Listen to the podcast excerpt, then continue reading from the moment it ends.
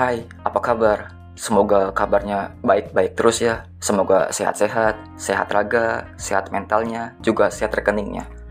Mungkin agak kaget karena episode kali ini kok suaranya laki-laki. Karena biasanya kan suaranya perempuan. Tapi tenang karena episode-episode selanjutnya juga akan tetap ada suara perempuan yang biasanya kok. Jadi aku jelasin dulu bahwa kita Irae ada yang bagian nulis dan ada yang pengisi suaranya.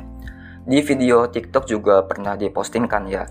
Nah, jadi yang selama ini nulis atau bikin skrip di podcast mulai dari episode awal sampai episode kali ini dan di video-video TikTok ataupun Instagram dan tulisan-tulisan di buku ataupun di e-book itu semuanya yang nulis adalah yang laki-laki atau aku sendiri. Hanya saja disampaikannya dengan suara perempuan. Jadi kita berdua adalah teman sewaktu di SMA sekelas selama 3 tahun. Aku sering nulis dan dia sering olah suara. Ikut lomba yang berkaitan dengan suara sejak dia masih kecil. Jadi kita kolaborasi. Tapi kalau sekarang, ya kita sudah tidak SMA lagi. Sekarang umurnya sekitar 23 tahunan. Nah, jadi gitu penjelasan awalnya. Dan di episode kali ini aku mau bahas tentang kenapa sih memilih agama Islam. Nah, ini hasil renungan aku pribadi yang sudah lama aku simpan sendiri, tapi akhirnya kali ini aku mau bagikan melalui podcast. Karena kita Ira belakangan ini episodenya sering bahas tentang hubungan asmara terus kan ya. Nah, sekarang kita bahas yang lain dulu dan sebenarnya aku sendiri, aku sendiri lagi ada di fase sedang tidak jatuh cinta dan lagi tidak menyukai atau ngekerasin siapa-siapa. Jadi kalau nulis tentang hubungan asmara terus ada bosennya juga sejujurnya. Tapi kalau teman-teman perhatikan konten kita Ira sering berkaitan dengan agama Islam kan ya. Nah, di sini aku mau jelasin kenapa sih memilih agama Islam. Jadi ceritanya, basic pendidikan aku adalah MIPA. Dari SMP, SMA, kuliah, aku senang sama hal-hal yang berkaitan sama ilmiah atau sains. Karena menurutku pribadi, konsep sains itu kompleks, tapi terstruktur rapi gitu. Ada sebab akibatnya mengapa sesuatu dapat terjadi karena itu aku senang sama konsep-konsep ilmiah. Ya walaupun aku tidak begitu pintar-pintar banget dan keilmuanku masih sangat dangkal, cetek banget. Dan keluarga sendiri semuanya Islam dari lahir. Keluargaku Islam dari lahir, meskipun bukan Islam yang taat-taat banget, bukan yang dari kalangan pesantren, kiai atau ustadz atau sekolah-sekolah berbasis agama Islam. Tapi Islamnya Islam yang kalau mau puasa Ramadan dan Lebaran kita nonton TV dulu nungguin pengumuman sidang isbat dan keputusan pemerintah. Nah, terus kaitannya sama episode kali ini nih apa? Kenapa memilih agama Islam? Jadi seperti yang aku bilang tadi bahwa aku banyak kagumnya sama sains dan agama Islam. Banyak banget konsep-konsep ilmiah yang bikin aku jadi merenung dan mengkaitkannya dengan agama yang aku pegang, agama Islam. Seperti di biologi, fisika, kimia, matematika, dan keilmuan-keilmuan lainnya, banyak banget yang bikin aku merasa kalau kok bisa sih konsep-konsep yang ada di keilmuan-keilmuan sains tuh sangat kompleks tapi rapi dan terstruktur mulai dari konsep kuantum sampai ke objek-objek langit yang sangat besar ukurannya dan itu disinggung juga di dalam Al-Quran Sebenarnya siapa sih yang menyusun alam semesta ini? Kok bisa biji yang kecil mungil tumbuh jadi pohon yang besar? Kok bisa sel sperma dan sel telur yang ukurannya kecil yang harus dilihat pakai mikroskop tapi bisa tumbuh dan berkembang jadi manusia yang punya kesadaran dan bisa gerak-gerak tubuhnya? Banyak pertanyaan-pertanyaan yang muncul seperti itu yang pada akhirnya berkaitan sama agama dan siapa sih sebenarnya pencipta dari alam semesta ini? Kenapa aku bisa lahir dan berada di bumi? Jadi hal-hal seperti ini aku harus mengetahui itu. Misalnya, dalam tubuh manusia ada organel-organel sel seperti mitokondria yang kita kenal sebagai pabrik energi untuk metabolisme dalam tubuh karena dia menghasilkan energi dalam bentuk ATP atau adenosin trifosfat sebanyak 34 ATP. Pertanyaannya, kenapa kok mitokondria menghasilkan energi dalam bentuk ATP? Kenapa mitokondria tidak menghasilkan racun atau senyawa yang berbahaya untuk tubuh kita? Kenapa menghasilkannya energi? Lalu sains menjawabnya, ya karena di dalam matriks mitokondria kan terjadi siklus Krebs yang mengubah senyawa atau energi kimia dalam makanan yang kita makan dengan bantuan-bantuan enzim-enzim tertentu sesuai tahapan dalam siklus Krebs tersebut menjadi suatu energi dalam bentuk ATP dan NADH. Nah, kita kan tahu cara kerjanya seperti itu. Lalu, siapa yang memprogram cara kerjanya agar berjalan seperti itu? Siapa yang men-setting siapa yang menanamkan algoritma-algoritma yang menggerakkan enzim-enzim itu bekerja sesuai fungsinya. Siapa yang menanamkan konsep siklus Krebs dalam matriks mitokondria itu? Pasti ada yang memasangkan programmingnya atau ada yang mengkodingnya. Tidak semata-mata terjadi begitu saja. Lalu ada juga organel sel lainnya yang bernama ribosom yang berfungsi untuk mensintesis protein atau membuat protein dalam tubuh kita. Kenapa ribosom membuat protein? Kenapa ribosom tidak membuat asam sulfat? Kenapa harus membuatnya protein?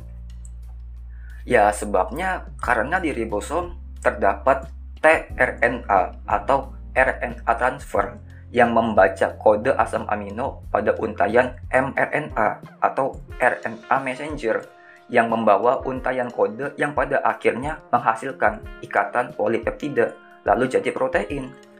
Nah, terus pertanyaannya, kok si tRNA atau RNA transfer kok dia ngerti sama kode yang dibawa oleh untayan mRNA?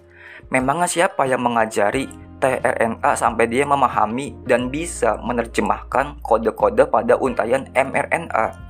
Kenapa tRNA-nya nggak bego aja gitu atau blow on biar sistemnya error? Aduh ini kodenya maksudnya apa nih? Gua nggak ngerti tolong. Kan bisa aja kayak gitu kan. Tapi kenyataannya si tRNA ini dia mengerti akan kode-kode pada untayan mRNA. Nah, berarti ada yang mengajari dong atau ada yang memasang sistem supaya si tRNA ini bisa mengerti akan kode-kode agar proses pembentukan proteinnya berjalan lancar. Lalu siapa yang memasang sistem itu pada organel sel yang ukurannya nanometer sekecil itu? Lalu ada juga tentang proses pembentukan janin di tubuh manusia. Seperti yang kita pahami bahwa sel sperma laki-laki yang bertemu sel telur perempuan akan tumbuh menjadi zigot. Nah, pertanyaannya, siapa yang memberitahu sel sperma yang jumlahnya miliaran banyaknya itu untuk pergi ke arah sini, ke arah sana, belok kiri, belok kanan? Siapa yang menuntun mereka biar mereka bisa ketemu sama sel telur? Ya, itu kan karena sel telurnya mengeluarkan suhu yang lebih hangat. Jadi sel spermanya mengikuti arah tempat yang lebih hangat itu sampai akhirnya mereka papasan ketemu di tuba falopi lalu terjadilah fertilisasi. Nah, kemudian ketika akhirnya mereka bertemu, siapa yang memberitahu mereka agar mereka berkembang menjadi zigot? Lalu kok mereka bisa tahu kalau mereka harus turun dari tuba falopi pergi ke arah rahim untuk nemplok atau nempel jadi embrio dan berkembang terus membelah terus membelah hingga akhirnya menjadi bayi selama 9 bulan lamanya. Kenapa ketika mereka sel sperma dan sel telur berpapasan ketemu di tuba falopi mereka tidak sekadar say hai doang gitu. Hai kamu sel telur ya Emang boleh kamu sebulat itu bentuknya? Lalu dijawab sama sel telur, Oh hai kalian sel sperma ya? Emang boleh separgoy itu gerakan kalian? Terus ya udah aja gitu.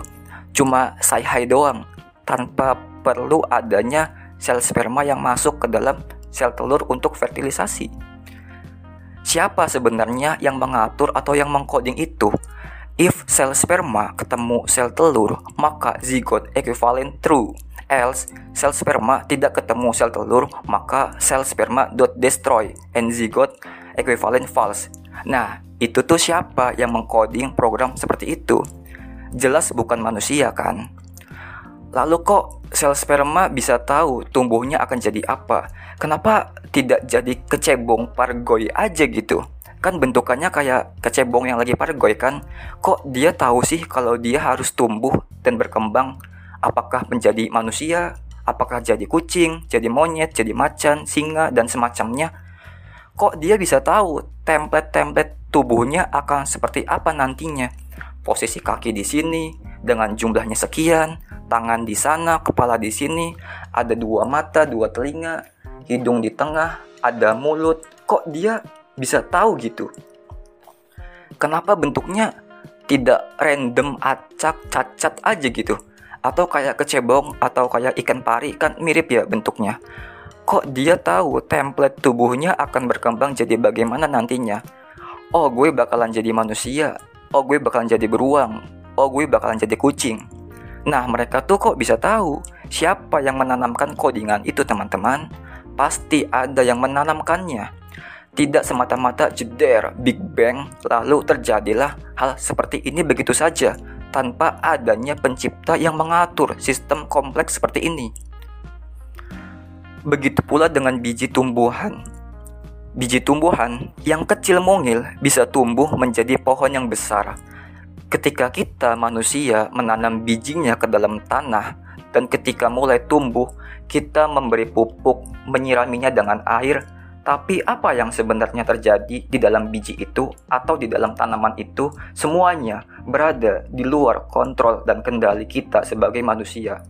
Proses pembelahan-pembelahan sel yang terjadi di dalam biji, di pohon, silem, dan flom yang naik turun mengedarkan mineral sama sekali bukan dalam kendali kita manusia.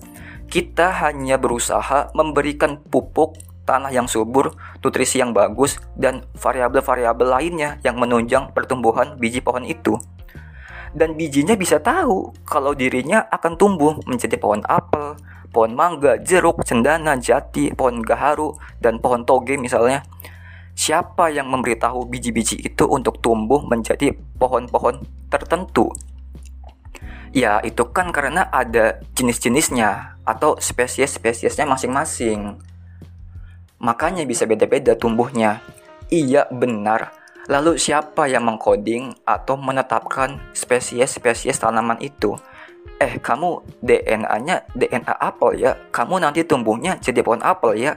Nah, sedangkan kamu DNA kamu adalah DNA pohon toge. Nanti kalau tumbuh jangan jadi cabe ya. Nah, manusia hanya mengetahui hal-hal itu, lalu mengklasifikasikannya atau mengelompokkannya dan mengembangkannya. Tapi bukan manusia yang menentukan spesies-spesies itu. Dan lagi-lagi, dengan air hujan yang rasanya sama, sama-sama berasa tawar, pohon-pohon itu menghasilkan buah-buah dengan rasa yang berbeda-beda. Ada yang manis, ada yang asam, kecut, getir.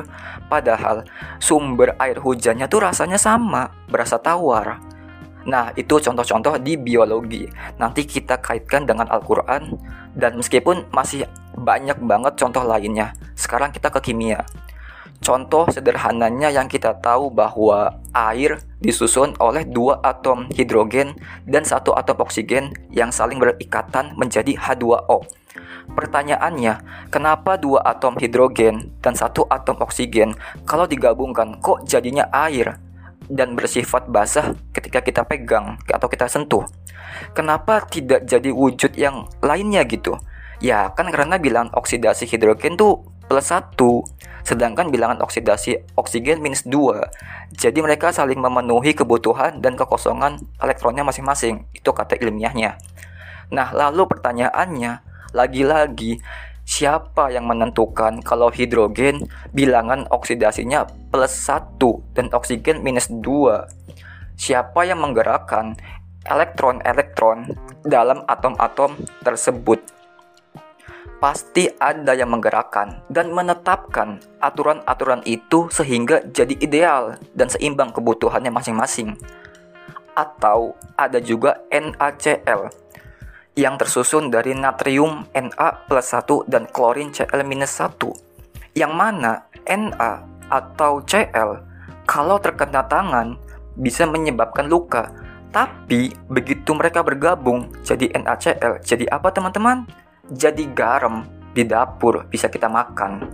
Siapa yang menentukan konsep aturan itu yang awalnya natrium dan Cl tidak cukup aman untuk dimakan? Begitu bergabung jadi NaCl, kok jadi bisa dimakan? Apakah manusia yang menentukan aturan tersebut? Tentu saja bukan teman-teman. Kita hanya mengetahui prinsip-prinsip kerjanya saja tapi bukan kita yang menciptakan dan menentukan aturan-aturan itu. Lalu di fisika ada hukum Newton.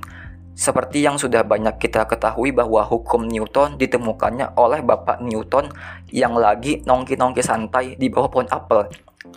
Kalau misalnya bukan Bapak Newton yang duduk di bawah pohon apel, tapi Bapak Mujair yang duduk di bawah pohon apel, tetap saja teman-teman, konsep dari hukum Newton memang tersedia di alam meskipun Bapak Newton tidak menemukan rumusnya. Bisa jadi namanya berubah jadi hukum Mujair 1, benda diam cenderung diam, benda gerak cenderung bergerak. Hukum Mujair 2 dan hukum Mujair 3 aksi reaksi. Jadi teman-teman, konsep hukum Newton itu memang tersedia di alam meskipun Bapak Newton tidak menemukannya. Dan di matematika, kita mengenal konsep segitiga siku-siku. A kuadrat plus B kuadrat sama dengan C kuadrat sebagai teorema Pitagoras karena ditemukannya oleh Bapak Pitagoras. Teorema A kuadrat plus B kuadrat sama dengan C kuadrat meskipun tidak ditemukan oleh Bapak Pitagoras, teorema tersebut tetap saja ada di alam teman-teman. Dan misalnya yang menemukannya adalah Bapak Jawir Ya kita bisa saja menyebutnya sebagai teorema Jawir A kuadrat plus B kuadrat sama dengan C kuadrat. Dengan begini teman-teman, maka alam semesta kita dan keseluruhannya yang sangat kompleks ini tidak semata-mata jeder, duar, meledak terjadi Big Bang, lalu terbentuk benua Pangea, lalu ada Sundalen, lalu berkembang terus hingga ada ada Bekasi, ada Cirebon, ada Depok, Palembang dan ada konsep-konsep fisika, kimia, biologi itu tapi ada prosesnya teman-teman. Tidak tiba-tiba kita sadar oh gue spawn di Bekasi nih. Oh gue muncul di Bandung nih. Lalu kamu meninggal dan tiba-tiba kamu respawn lagi jadi orang Rohingya di Aceh. Kan tidak begitu teman-teman. Tetapi ada proses-proses tahapan terjadinya terlebih dahulu lalu dengan begini artinya apa teman-teman? Artinya manusia tidak menciptakan suatu konsep, gagasan, atau hukum yang tersedia di alam, tetapi kita manusia menemukannya, konsep, gagasan, dan hukum alam tersebut, lalu mengembangkan dan memanfaatkannya untuk menunjang kehidupan kita manusia. Pertanyaannya, lalu siapa sebenarnya yang menyediakan konsep, gagasan, atau hukum-hukum tersebut berada di alam? Apakah konsep, gagasan, dan hukum-hukum alam itu tiba-tiba tersedia ada begitu saja di alam tanpa ada yang menciptakan, merumuskan, mengawali atau menanamkan atau mengcoding atau memprogramingnya. Tentu saja tidak, teman-teman. Konsep-konsep tersebut, gagasan-gagasan tersebut, atau hukum-hukum tersebut ada terdapat di alam semesta kita. Karena ada yang menciptakannya dan yang pasti dia yang mampu menciptakan dan merumuskan semua itu sampai sedemikian detailnya dari objek yang berukuran sangat besar sampai objek yang berukuran sangat kecil hingga tak kasat mata hanya terasa getarannya saja di dalam inti atom dalam bentuk kuantum maka dia yang menciptakannya dia pasti sangat hebat dan sangat cerdas yang keilmuannya melingkupi segala sesuatu dia pasti sangat kuasa atas segala sesuatu dan dia pasti sangat ahli dalam mencipta dan kita menyebutnya sebagai Tuhan. Lalu pertanyaannya teman-teman, bagaimana cara kita untuk mengenal dia yang menyandang gelar Tuhan? Oleh karena itu, teman-teman, kita membutuhkan suatu konsep yang kita sebut sebagai agama. Dengan konsep agama itu, kita bisa mengenal, mengetahui, dan menjangkau siapa yang menciptakan semua ini. Yang sebelumnya logika dan nalar kita hanya mampu menerka-nerka, hanya mampu mengetahui tanda-tanda keberadaannya tanpa tahu siapa dia yang sebenarnya. Oleh karena itu, kita membutuhkan agama. Lalu ada agama apa saja di bumi ini? Nah, di sinilah mulai masuk teman-teman. Karena aku dilahirkan dari kedua orang tua yang sama-sama beragama Islam, maka agama yang diturunkan atau diwariskan ke aku juga adalah agama Islam.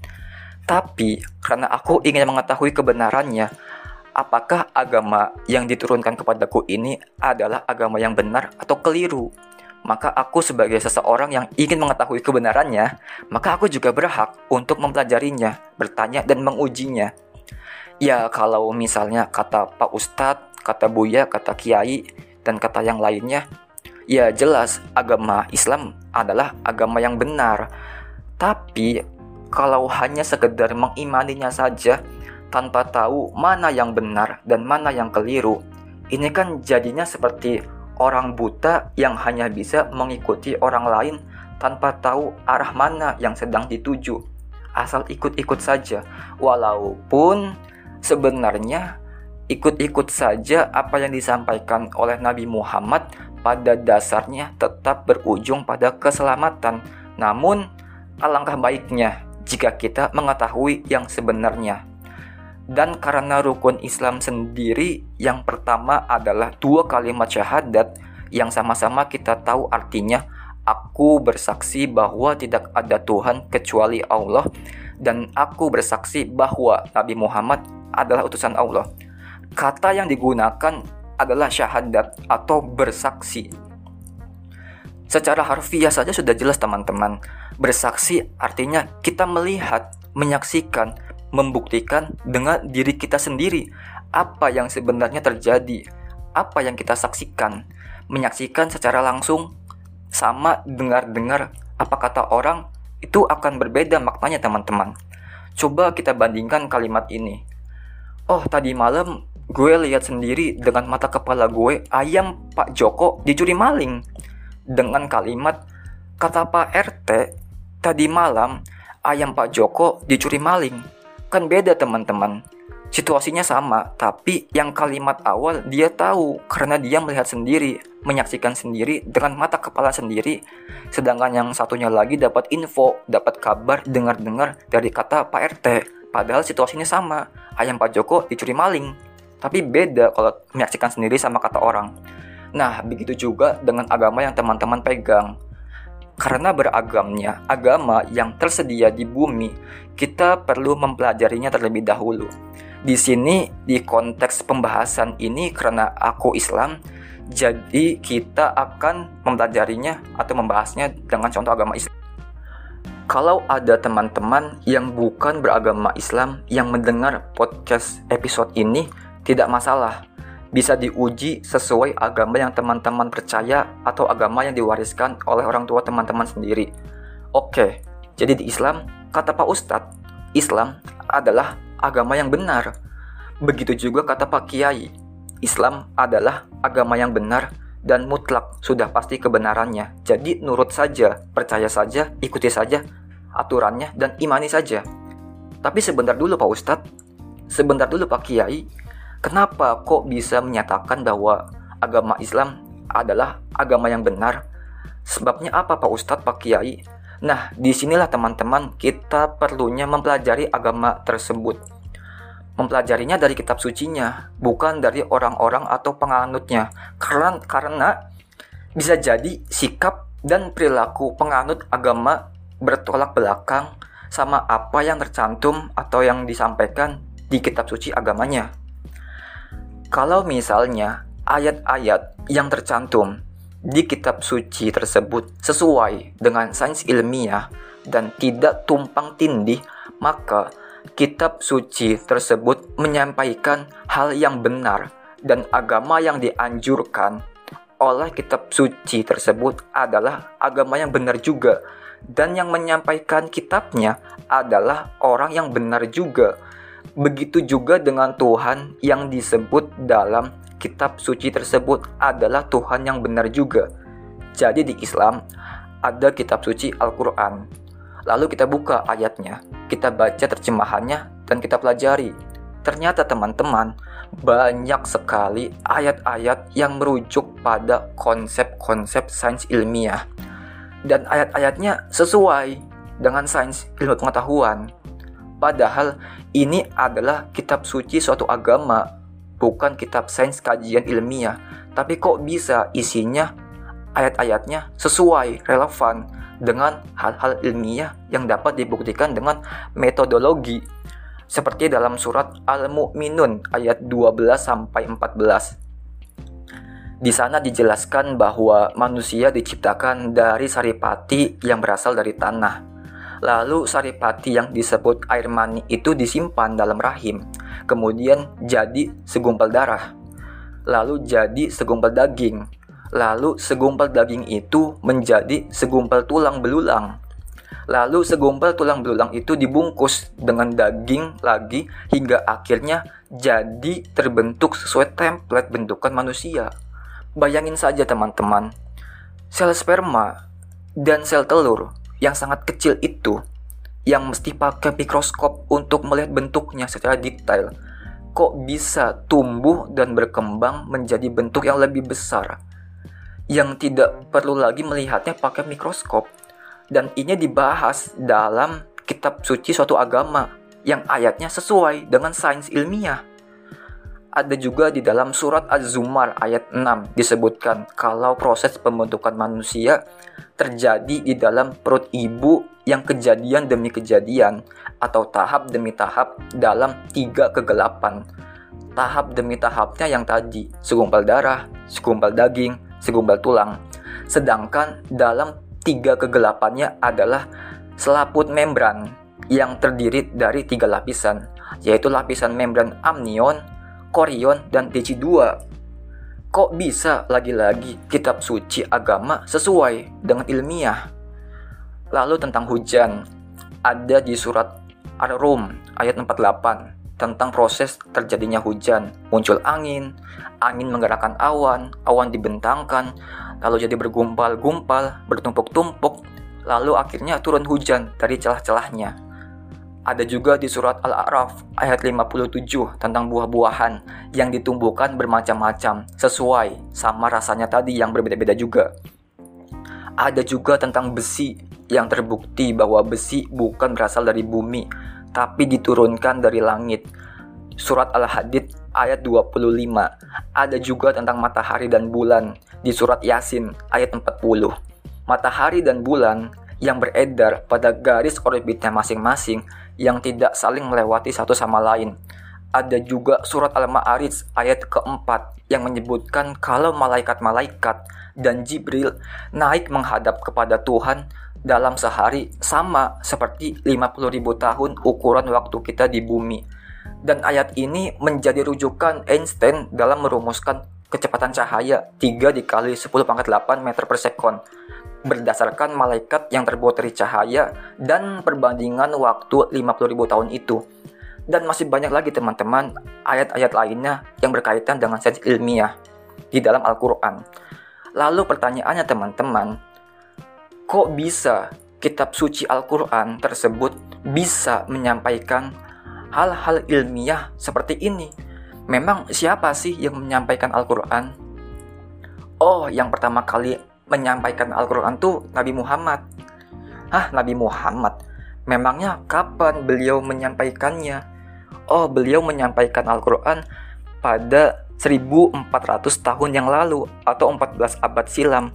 Ah, 14 abad silam. Kok bisa Nabi Muhammad tahu tentang hal-hal ilmiah ini sampai bisa menuliskannya dan mencantumkannya dalam Al-Quran kan pada waktu itu belum ada teknologinya kok bisa beliau jelasin atau merujuk konsep-konsep ilmiah di Al-Quran oh bukan bukan bukan Nabi Muhammad yang nulis Al-Quran bukan Nabi Muhammad yang menuliskan Al-Quran itu tapi Nabi Muhammad menerima Al-Quran dari malaikat Jibril yang ditugasin sama Allah buat turun ke bumi menyampaikan Al-Quran ke Nabi Muhammad. Ah, dari Allah.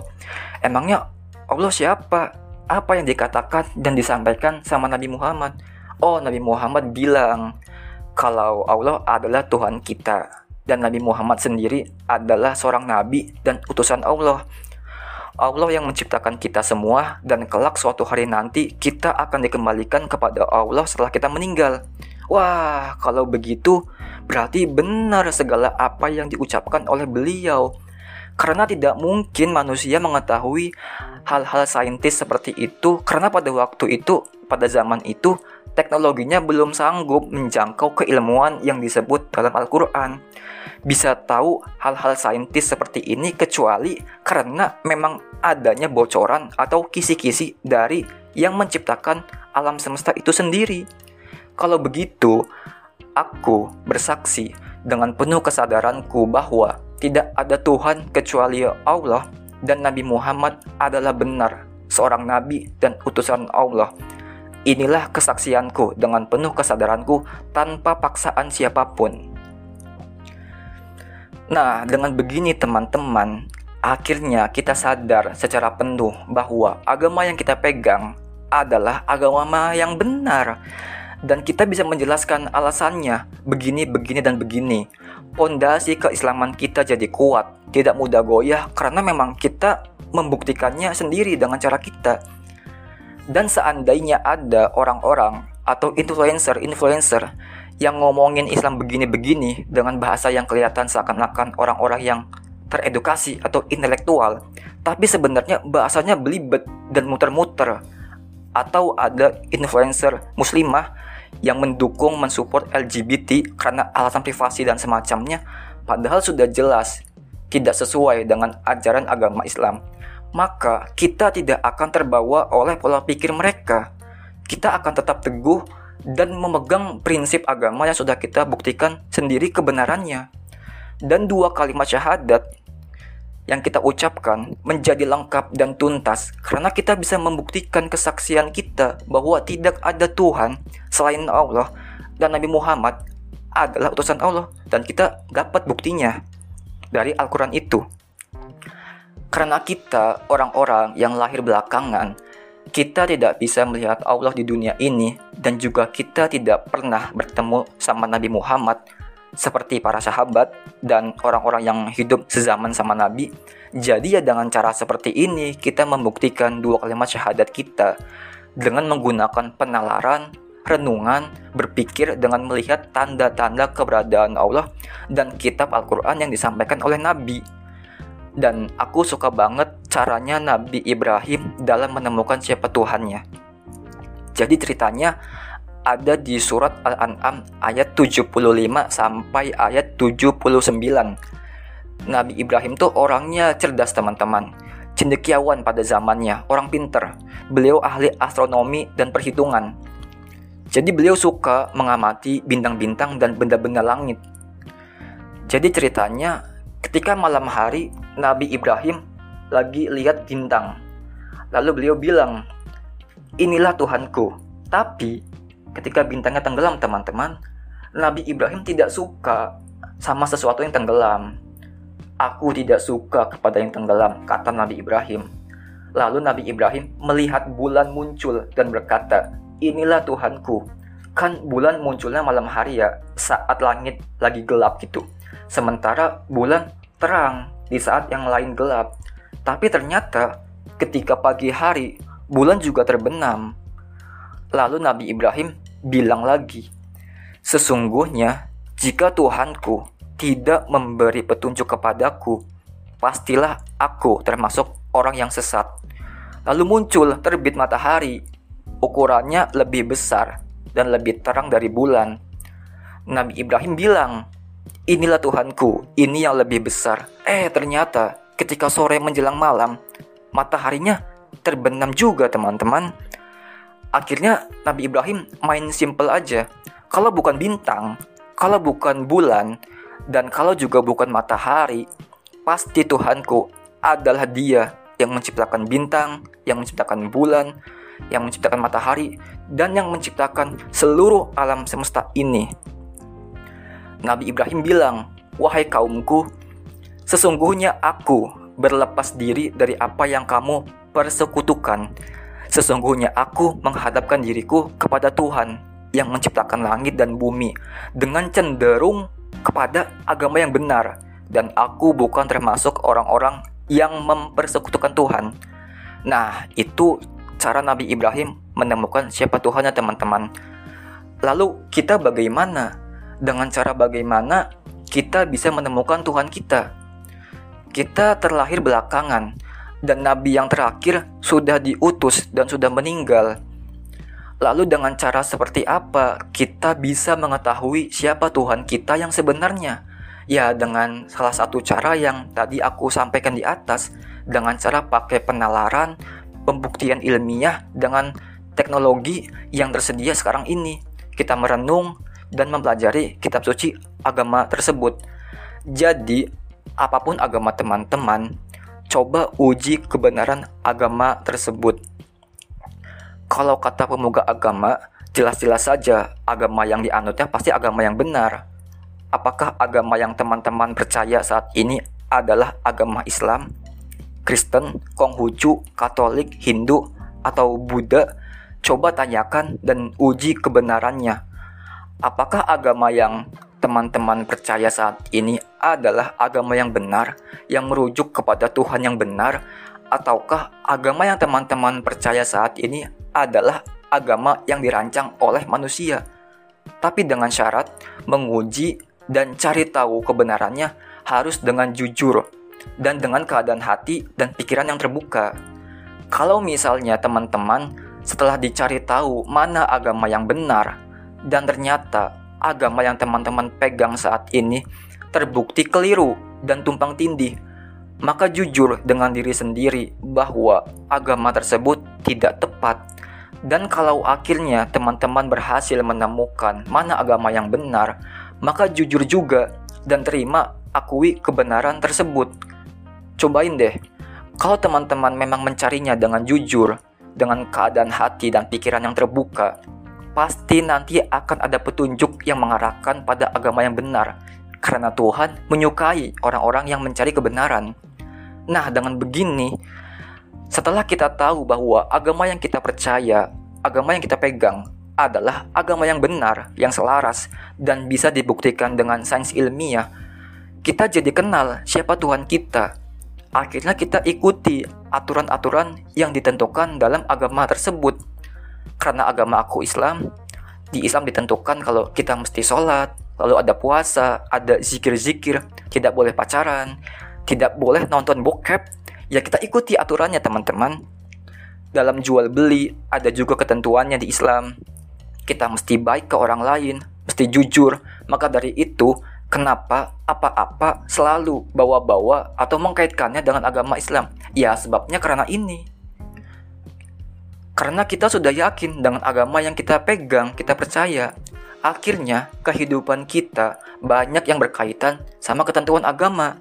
Bukannya sok alim atau sok bersih, tapi ya karena ini loh agama yang benar, yang sesuai Tuhan yang sebenarnya. Kita ada bukti-buktinya gitu. Kita ada penjelasannya. Meskipun kita bukan dari kalangan pesantren, bukan anak ustadz atau pak kiai, dan bukan berasal dari lingkungan keluarga yang islami banget, tapi kita sebagai orang awam atau masyarakat umum biasa, ataukah seorang pengusaha muda, seorang influencer, ataukah seorang atlet, dokter, psikolog, atau pekerja kantoran, ya kita juga mesti tahu dan sadar siapa sebenarnya Tuhan kita. Begitu teman-teman. Oke, jadi begitu ya penjelasan singkatnya.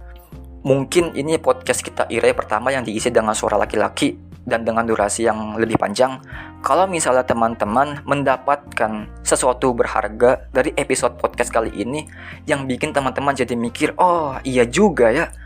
Maka jangan ragu untuk membagikan podcast episode kali ini ke orang lain. Karena siapa tahu dia juga termasuk orang yang sedang berusaha mencari kebenaran.